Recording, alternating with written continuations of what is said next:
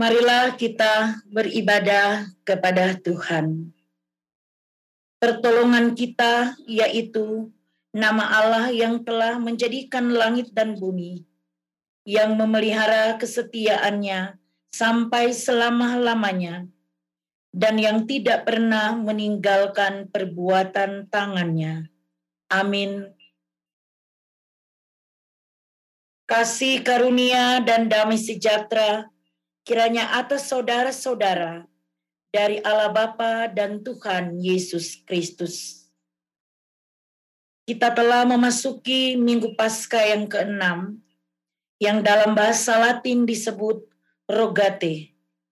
Karena itu dengarkanlah nats firman Tuhan yang berkata demikian. Sesungguhnya Allah telah mendengar ia telah memperhatikan doa yang kuucapkan. Terpujilah Allah yang tidak menolak doaku dan tidak menjauhkan kasih setianya daripadaku. Marilah kita merendahkan diri di hadapan Tuhan Allah kita dan mengaku segala dosa dan salah kepada Tuhan. Kalau kita mengatakan bahwa kita tidak berdosa, kita menipu diri sendiri dan kebenaran itu tidak ada pada kita. Kalau kita mengaku dosa, maka Allah itu setia dan adil, sehingga Ia mengampuni akan segala dosa dan menyucikan kita dari segala kejahatan. Mari jemaat Tuhan kita berdoa. Kepadamu ya Tuhan pencipta langit dan bumi, Tuhan yang kami muliakan di dalam nama Yesus Kristus. Kami datang dalam persekutuan ibadah di hari Minggu ini. Menyerahkan seluruh kehidupan kami Tuhan. Yang di dalamnya kami tidak bisa menutupi apa yang sudah kami lakukan sepanjang hidup yang kami jalani ini. Kami sadar Tuhan, ada begitu banyak dosa dan salah yang telah kami lakukan di dalam kehidupan kami, baik dalam pikiran kami, dalam perkataan dan perbuatan kami. Karena itulah Tuhan, kami datang di hadapan-Mu, merendahkan diri dan membuka kehidupan kami, supaya Tuhan menilik kehidupan kami. Dan ketika Tuhan dapati ada salah dan dosa di dalam hidup kami, kami mohon Tuhan, ampunilah kami Ampunilah segala perbuatan kami Tuhan. Kiranya oleh kasih-Mu kami memperoleh pengampunan dari Bapa di sorga. Di dalam nama Yesus kami memohon. Amin. Sebagai hamba dari Tuhan Yesus Kristus, kami memberitahukan bahwa pengampunan dosa telah berlaku demi Bapa, Anak, dan Roh Kudus 1 Yohanes 2 ayat 2 berkata, dan ia adalah pendamaian untuk segala dosa kita. Dan bukan untuk dosa kita saja, tetapi juga untuk dosa seluruh dunia.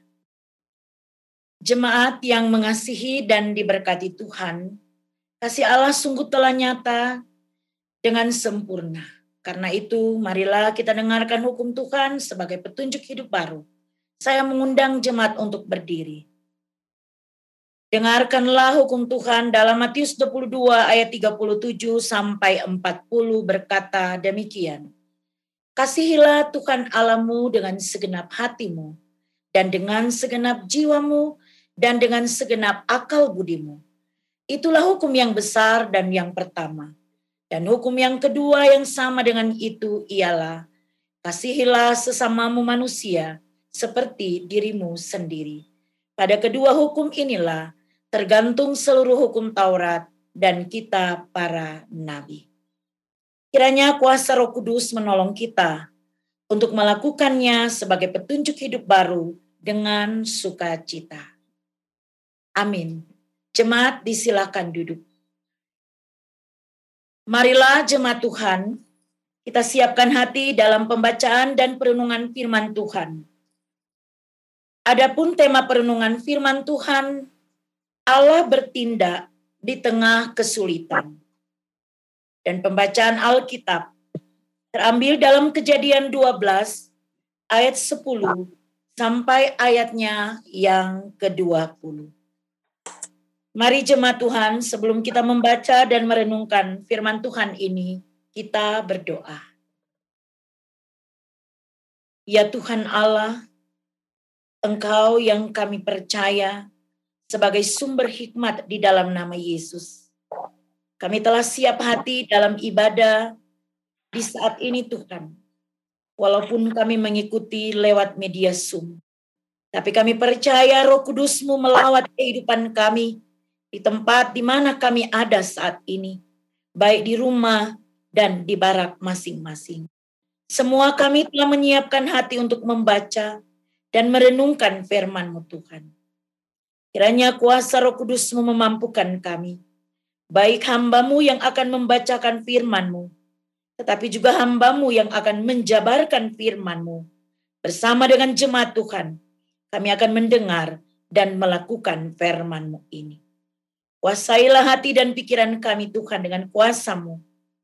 Hanya kepadamu kami serahkan semua pemberitaan firmanmu dari awal pertengahan hingga akhirnya.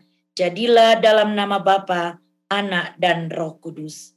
Amin. Kejadian pasal 12 ayat 10 sampai ayatnya yang ke-20. Abram di Mesir. Ketika kelaparan timbul di negeri itu, pergilah Abram ke Mesir untuk tinggal di situ sebagai orang asing, sebab hebat kelaparan di negeri itu. Pada waktu ia akan masuk ke Mesir, berkatalah ia kepada Sarai istrinya, "Memang aku tahu bahwa engkau adalah seorang perempuan yang cantik parasnya. Apabila orang Mesir melihat engkau, mereka akan berkata, 'Itu istrinya.' Jadi mereka akan membunuh aku dan membiarkan engkau hidup. Katakanlah bahwa engkau adikku, supaya aku diperlakukan mereka dengan baik karena engkau, dan aku dibiarkan hidup oleh sebab engkau. Sesudah Abram masuk ke Mesir, orang Mesir itu melihat bahwa perempuan itu sangat cantik. Dan ketika punggawa-punggawa Firaun melihat Sarai, mereka memuji-mujinya di hadapan Firaun sehingga perempuan itu dibawa ke istananya. Firaun menyambut Abram dengan baik-baik karena ia mengingini perempuan itu dan Abram mendapat kambing domba, lembu sapi, keledai jantan, budak laki-laki dan perempuan, keledai betina dan unta. Tetapi Tuhan menimpakan tulah yang hebat kepada Firaun. Demikian juga kepada seisi istananya karena Sarai, istri Abram itu. Lalu Firaun memanggil Abram serta berkata, Apakah yang kau perbuat ini terhadap aku? Mengapa tidak kau beritahukan bahwa ia istrimu? Mengapa engkau katakan dia adikku, sehingga aku mengambilnya menjadi istriku? Sekarang, inilah istrimu, ambillah dan pergilah. Lalu Firaun memerintahkan beberapa orang untuk mengantarkan Abram pergi bersama-sama dengan istrinya dan segala kepunyaannya. Demikianlah firman Tuhan. Berbahagialah setiap orang yang mendengar firman dan melakukannya dengan penuh sukacita. Amin. Shalom. Salam sejahtera untuk kita sekalian, jemaat Tuhan yang dikasih dan diberkati oleh Tuhan kita Yesus Kristus. Tema renungan firman Tuhan kita, Allah bertindak di tengah kesulitan. Allah bertindak di tengah kesulitan dan untuk memahami tema ini kita diantar untuk melihat dan belajar dari bagaimana ketika Abraham dipanggil oleh Tuhan. Abraham adalah seorang yang dipanggil oleh Tuhan untuk menjadi satu bangsa yang akan menjadi model tentang kasih perjanjian antara Tuhan dan manusia. Namun panggilan yang diterima oleh Abraham bukanlah sesuatu yang mudah. Panggilan ini punya harga yang harus dibayar. Karena itu kalau kita membaca secara seksama kisah tentang Abraham, kita akan menemukan indikasi bahwa Abraham ini adalah seorang yang sukses di negaranya. Ia memiliki bisnis dan berjalan cemerlang. Dia juga memiliki kemampuan militer yang sangat tangguh. Dan dia adalah seorang yang mampu mengalahkan empat raja dari berbagai negara bahkan mengejar mereka ketika melarikan diri. Kita boleh lihat cerita ini dalam kejadian 14 ayat 1 sampai ayat 16. Abraham juga adalah seorang yang dihargai oleh bangsanya. Namun dalam kondisi seperti itulah Abraham dipanggil oleh Tuhan. Saudara-saudaraku yang dikasih Tuhan, panggilan Abraham ini membuat dia harus keluar dari zona nyamannya dan dia harus mengikuti apa yang Tuhan rencanakan di dalam kehidupan Abraham. Walaupun dalam konsekuensi panggilan Allah ini sering kali harus diperhadapkan dengan berbagai tantangan. Apakah panggilan ini dapat direspon dengan baik ataupun tidak? Kita lihat dalam pembacaan Alkitab kita di saat ini, bagaimana ketika Abraham dipanggil oleh Tuhan dan ketika dia mengalami kelaparan di tanah Kanaan. Dia berjalan keluar dari tempat itu dan pada suatu ketika dia harus mampir di kota Mesir. Kita lihat dalam cerita ini saudara-saudara. Ketika Abraham sampai di Mesir, ada satu yang menyolok dalam kehidupan Abraham, yaitu istrinya. Orang-orang yang menyambut kedatangan Abraham ini, punggawa-punggawa yang ada, sangat memuji kecantikan istri dari Abraham. Dan kemungkinan ini menjadi tantangan awal dari Abraham ketika dia merespon panggilan Allah itu. Di sini ketika Abraham diperhadapkan dengan situasi yang mau tidak mau dia harus mengambil satu keputusan yang sebenarnya menyakiti hati Tuhan, tapi di sisi lain bagi Abraham menguntungkan baginya. Saudara-saudaraku yang dikasih Tuhan, kalau kita lihat penyambutan Firaun terhadap Abraham, Firaun memberikan segala sesuatu yang dibutuhkan oleh Abraham dengan tujuan dia ingin mengambil Sarai yang tadinya diakui oleh Abraham, dia adalah adiknya. Sungguh sangat sulit keputusan Abraham dalam konteks ini, saudara-saudara. Sebab Abraham tahu ketika dia berada di Mesir, kemungkinan besar dia akan ditolak. Kemungkinan besar dia tidak akan dilakukan sebaik mungkin. Sehingga dia harus mengambil keputusan yang sangat salah pada saat itu. Dan keputusan inilah juga yang menjebak Firaun untuk mengambil Sarai dijadikan sebagai istrinya. Nah, hal ini menggambarkan satu tantangan dan bagaimana Abraham harus keluar dari tantangan ini yang sebenarnya menjadi keputusan dirinya sendiri ketika dia berkomitmen untuk mengikuti rencana Allah namun pada akhirnya saudara-saudara kalau kita lihat dalam pembacaan selanjutnya Tuhan menyadarkan Firaun dengan satu tula atau tula yang diberikan Tuhan kepada Firaun pada saat itu. Firaun sadar ada masalah apa dengan kedatangan rombongan ini. Kenapa sebelum mereka datang saya tidak punya masalah?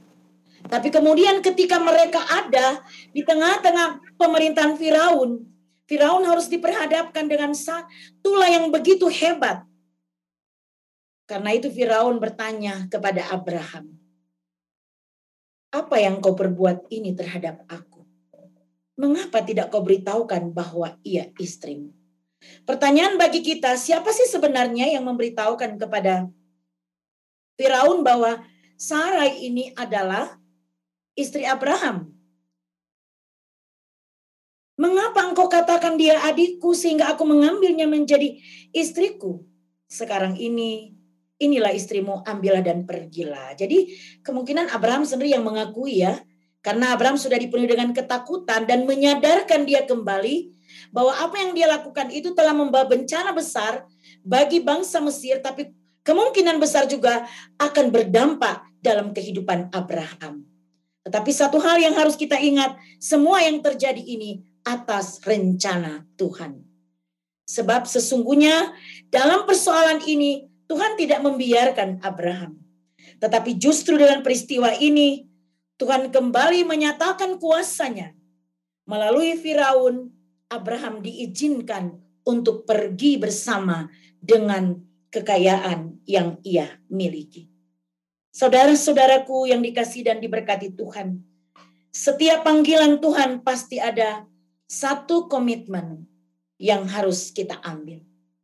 Panggilan Abraham membawa dia menjadi orang yang hidup serba keterbatasan karena harus meninggalkan kesuksesan di tempat asalnya. Tetapi juga dia harus berhadapan dengan ancaman para penjahat yang ingin menyerangnya bersama dengan keluarganya. Kalau kita berpikir jikalau Abraham tidak pergi, maka mungkin dia tidak perlu mengalami kelaparan dan tidak datang ke Mesir dan akhirnya melakukan satu kasus penipuan terhadap Firaun. Saudara-saudara, panggilan Tuhan sering kali penuh penderitaan dan menuntut penyangkalan yang luar biasa. Karena itu dalam kondisi yang sulit inilah justru menjadi kesempatan kita untuk menyatakan iman kepada Tuhan dan menjadi saksi terhadap orang-orang yang ada di sekitar kita. Melalui panggilan dan pengorbanan yang kita lakukan, orang akan mengerti apa yang menjadi hal terpenting di dalam kehidupan manusia. Manusia seharusnya mementingkan rencana dan kehendak Tuhan. Jadi di dalamnya semua yang berlangsung adalah rencana Tuhan. Namun sering kali begitu banyak hal yang terjadi dalam kehidupan manusia itu sendiri.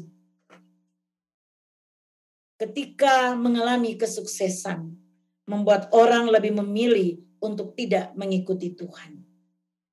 Ketika hidup menjadi orang yang mengutamakan Tuhan, maka tentunya kita dapat menjadi saksi bagi orang-orang yang ada di sekitar kita.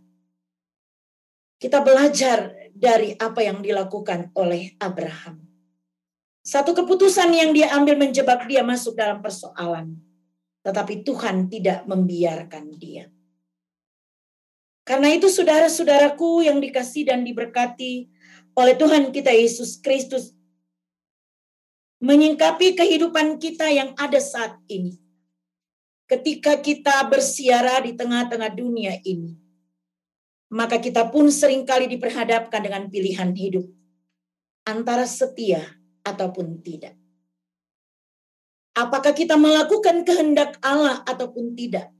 ketika kita terjepit dengan sebuah persoalan, bagaimana kita menentukan pilihan hidup kita. Namun satu hal yang perlu kita ingat bahwa di setiap persoalan yang kita hadapi, kita harus mengingat bahwa kasih setia Tuhan tidak akan pernah meninggalkan kehidupan orang yang selalu mengasihi Tuhan. Seperti Abraham. Walaupun dia sudah terjebak dalam satu keputusan, yang membuat dia ada dalam masalah bersama dengan Firaun. Tetapi toh ternyata hati Abraham masih melekat kepada Tuhan. Sesuatu yang mendesak Abraham untuk memilih satu jalan hidup yang mungkin dilihat Abraham itu akan menyenangkan dirinya, tetapi di sisi lain memunculkan persoalan. Kita lihat di sini saudara-saudara, bagaimana Allah bertindak di tengah-tengah kesulitan keputusan Abraham pada saat itu. Tuhan tidak membuat Abraham terpuruk dengan persoalan yang ada dalam pembacaan Alkitab ini. Tetapi oleh kuasa Tuhan, Tuhan menggerakkan hati Firaun untuk membebaskan Abraham keluar dari Mesir dan melanjutkan rencana Allah di dalam kehidupan Abraham dan keluarganya. Demikian dengan kehidupan kita, saudara-saudara. Kita harus ingat bahwa Allah akan bertindak di tengah-tengah kesulitan hidup yang kita hadapi saat ini. Contoh praktis, saat ini kita berhadapan dengan pandemi COVID-19, virus yang semakin mewabah di tengah-tengah kehidupan kita. Pertanyaan kita saat ini yang perlu kita renungkan, jalan hidup mana yang akan kita pilih pada saat kita berada dalam konteks kehidupan ini? COVID-19 seolah-olah menjauhkan kita dari Tuhan. Ada orang yang lebih fokus bergumul dengan virus itu. Dan ada orang yang lebih fokus bagaimana cara menyembuhkan virus itu yang sudah masuk ke dalam tubuh kita. Dan kadangkala kita melupakan kuasa dan mujizat Tuhan. Saudara-saudaraku yang dikasih Tuhan. Sekali lagi saya mengantar saudara-saudara untuk melihat tema di saat ini. Allah bertindak di tengah kesulitan. Roma 8 ayat 28 berkata begini. Roma 8 ayat 28 berkata, kita tahu sekarang bahwa Allah turut bekerja dalam segala sesuatu untuk mendatangkan kebaikan bagi mereka yang mengasihi Dia. Jadi kita garis bawahi bagi mereka yang mengasihi Dia. Abraham mengasihi Allah walaupun dia harus memilih jalan yang tadinya menjadi salah. Tetapi kemudian karena dia mengasihi Allah, Allah meng mengambil kembali dia dari kondisi hidup yang dia alami dan menjalankan rencana Allah ketika dia dijanjikan Allah untuk mendapatkan keturunan dari istrinya Abraham dan kemudian dari Abraham inilah terciptalah bangsa yang kudus dan yang dipilih oleh Tuhan. Kita juga demikian saudara-saudara. Ketika kita berada dalam persoalan hidup kita, marilah kita tetap mengasihi Tuhan Allah kita. Karena dia tetap akan bertindak menolong kita. Saudara-saudara yang sedang bergumul dengan COVID-19 saat ini. Saya mengajak saudara-saudara untuk angkat hati saudara-saudara. Lekatkan hati saudara-saudara kepada Tuhan. Maka mujizat itu pasti akan terjadi. Marilah saudara-saudara kita berjalan dengan rencana Allah di dalam kehidupan kita yang sungguh sangat misteri. Abraham dalam zona yang nyaman dipanggil keluar oleh Allah untuk menjalani rencana Allah yang penuh dengan tantangan, tetapi endingnya dia diberkati oleh Tuhan. Dan demikianlah gambaran hidup saya dan saudara sebagai orang yang percaya kepada Tuhan. Apa pun masalah yang ada di hadapan kita saat ini, kita percaya inilah rencana Tuhan untuk saya dan saudara di mana pada akhirnya kita akan berjumpa dengan satu konteks kehidupan yang penuh dengan berkat dan sukacita yang berasal dari Tuhan. Saudara-saudara yang saat ini punya masalah akibat keputusan saudara-saudara sendiri, ataupun saudara-saudara yang punya masalah yang tanpa saudara-saudara sadari telah membebani saudara-saudara. Ingatlah Tuhan kita Yesus Kristus dia turut bekerja dalam segala sesuatu untuk mendatangkan kebaikan bagi saya dan saudara. Setiap persoalan menguatkan iman kita.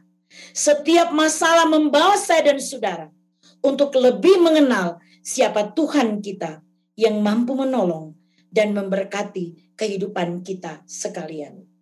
Kiranya dengan firman Tuhan yang singkat di saat ini, kita akan terus melihat bahwa Allah tidak pernah tertidur. Seperti kata pemazmur, penjaga Israel tidak pernah terlelap dan tidak pernah tertidur. Dia akan terus mengawasi, menjaga, dan melindungi kehidupan saya dan saudara.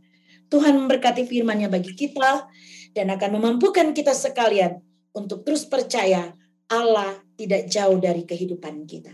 Dia hanya sejauh doa dan teruslah berdoa. Pujilah Tuhan dalam setiap kehidupan yang kita jalani. Amin. Jemaat yang dikasih dan diberkati oleh Tuhan kita Yesus Kristus, saya mengundang jemaat untuk berdiri bersama dengan semua orang percaya dari segala zaman dan segala tempat. Kita akan mengaku iman percaya kita dalam pengakuan iman rasuli. Mari kita mulai. Aku percaya kepada Allah, Bapa yang Maha Kuasa alik langit dan bumi. Dan kepada Yesus Kristus anaknya yang tunggal Tuhan kita. Yang dikandung daripada roh kudus, lahir dari anak darah Maria. Yang menderita di bawah pemerintahan Pontius Pilatus. Disalibkan, mati dan dikuburkan. Turun ke dalam kerajaan maut. Pada hari yang ketiga, bangkit pula dari antara orang mati. Naik ke sorga, duduk di sebelah kanan Allah, Bapa yang Maha Kuasa dan akan datang dari sana untuk menghakimi orang yang hidup dan yang mati. Aku percaya kepada Roh Kudus, gereja yang kudus dan am, persekutuan orang kudus, pengampunan dosa, kebangkitan daging, dan hidup yang kekal. Mari jemaat Tuhan kita berdoa. Allah Bapa Tuhan yang kami muliakan di dalam nama Yesus Kristus. Allah yang kami sembah dalam persekutuan ibadah kami di saat ini. Walaupun ibadah ini Tuhan kami lakukan via media Zoom. Tapi kami percaya sebagaimana kata firman-Mu Allah ada di mana-mana. Dan Engkau ada di setiap di mana kami ada saat ini. Kami bersyukur kepadamu ya Tuhan dengan segala waktu yang indah yang kuanugerahkan bagi kami saat ini. Ketika kami diperkenankan untuk memuji dan memuliakan Engkau Tuhan, hati kami penuh dengan sukacita ria. Dan dorongan roh kudus semakin melekatkan hidup kami kepadamu Tuhan. Apalagi firman yang boleh kami dengarkan saat ini. Kiranya Engkau sempurnakan firman-Mu itu Tuhan. Belajar dari pribadi Abraham, Ketika engkau panggil dia untuk melakukan rencanamu Tuhan. Dia diperhadapkan dengan berbagai persoalan. Tetapi Tuhan tidak membiarkan Abraham. Tetapi tangan Tuhan terus selalu memberkati dan memegang kehidupan Abraham sehingga ia terkendali dari segala persoalan dan menuju kepada rencana pemberkatanmu Tuhan. Kiranya firmanmu ini Tuhan menjadi berkat untuk kami. Dan firman ini Tuhan menjadi cermin kehidupan kami untuk terus percaya bahwa Tuhan akan terus bertindak di dalam kesulitan hidup kami. Bapa di dalam surga, hamba menyerahkan seluruh kehidupan jemaatmu ke dalam tanganmu Tuhan. Kiranya engkau memberkati setiap jemaatmu yang beribadah saat ini. Di rumah mereka masing-masing, di barak mereka masing-masing Kunjungilah mereka dengan roh kudusmu Tuhan. Karuniakanlah jemaatmu kesehatan, kekuatan, hikmat, dan kemampuan. Tutup bungkus jemaatmu dengan kuasa keselamatanmu. Yang di dalamnya Tuhan ada kesehatan, ada kekuatan, ada hikmat, dan ada kemampuan. Jauhkan jemaatmu ini Tuhan. Dari segala mara bahaya, sakit penyakit, kecelakaan, cobaan, godaan maut sekalipun Jauhkan jemaatmu ini Tuhan dari COVID-19 yang saat ini Tuhan semakin mewabah di lingkungan di mana kami ada saat ini Tuhan. Tuhan, kami tidak berdaya dengan situasi ini. Tapi belajar dari firman-Mu kami percaya Tuhan, Engkau bertindak menolong kami dan menghindarkan kami Tuhan dari COVID-19 ini. Sehatkan kami jemaatmu Tuhan dan lindungilah senantiasa. Ya Tuhan Allah Bapa di dalam surga, di tengah-tengah sukacita ibadah kami saat ini, hamba menyerahkan semua pelayanan yang sudah kami lakukan secara sum di saat ini. Para penatua dan siamas yang terlibat dalam pelayanan, yang mendukung pelayanan, tapi juga multimedia dan tim musik serta radio suara kasih. Mereka telah melakukan yang terbaik di hadapanmu Tuhan. Diberkatilah mereka sekalian. Apa pun yang dilakukan dalam pelayanan ini Tuhan, Engkau jua yang tahu dan hamba percaya kebaikanmu akan terus menyertai mereka yang melayanimu Tuhan. Ya Bapa di dalam surga, di saat ini kami berdoa dengan pergumulan jemaatmu ketika mereka harus terisolasi atau melakukan isolasi mandiri karena mereka terkonfirmasi COVID-19. Dalam situasi ini Tuhan kami tidak bisa mengunjungi mereka secara langsung. Tapi hamba percaya di dalam nama Yesus, Engkau akan mengunjungi dan menyembuhkan mereka saat ini. Baik yang ada di job site maupun yang ada di luar job site. Lawatlah jemaatmu GKI Kalvari Tembagapura ini Tuhan. Mereka sedang bergumul dengan COVID-19. Mereka tidak berdaya. Kepada siapa mereka meminta pertolongan Tuhan? hanya kepadamu Tuhan pencipta langit dan bumi. Yang sanggup menganugerahkan kesembuhan dalam kuasa anakmu Yesus Kristus. Berkati setiap obat, makanan, dan minuman yang terus dikonsumsi oleh jemaat-jemaatmu ini Tuhan. Dan hamba percaya sangat dalam kuasamu ada kesembuhan untuk mereka sekalian. Ya Tuhan Allah Bapa di dalam surga, demikian juga dengan semua orang yang terkonfirmasi COVID-19. Walaupun mereka tidak seiman dengan kami. Tapi hamba berdoa juga untuk mereka Tuhan. Sembuhkan mereka. Biarlah pandemi di lingkungan kami ada saat ini Tuhan, Engkau hentikan dengan kuasamu. Sehingga mereka yang sedang dikarantina di barak I, di barak D di Riskem, di E, tapi juga yang menjalani perawatan secara khusus di rumah sakit mereka disembuhkan dalam kuasamu Tuhan. Tuhan Allah Bapa di dalam surga. Demikian hamba berdoa juga untuk pimpinan dan manajemen PT Freeport, kontraktor dan privatisasi. Engkau karuniakan hikmat kepada mereka sekalian. Tapi juga kesehatan dan kekuatan di dalam mereka memanage segala operasional pekerjaan yang berlangsung tetapi juga bagaimana mereka melihat situasi pandemi yang ada di lingkungan perusahaan saat ini. Tolonglah mereka Tuhan, tapi juga lindungilah mereka supaya mereka juga tetap sehat dan kuat di dalam kuasa. Bapak di dalam surga, di saat ini hamba menyerahkan seluruh kehidupan jemaatmu. Baik yang ada di job site maupun yang ada di luar job site. Biarlah kasih dan pertolonganmu terus menyertai jemaatmu, baik sebagai kepala keluarga, sebagai istri, sebagai anak-anak.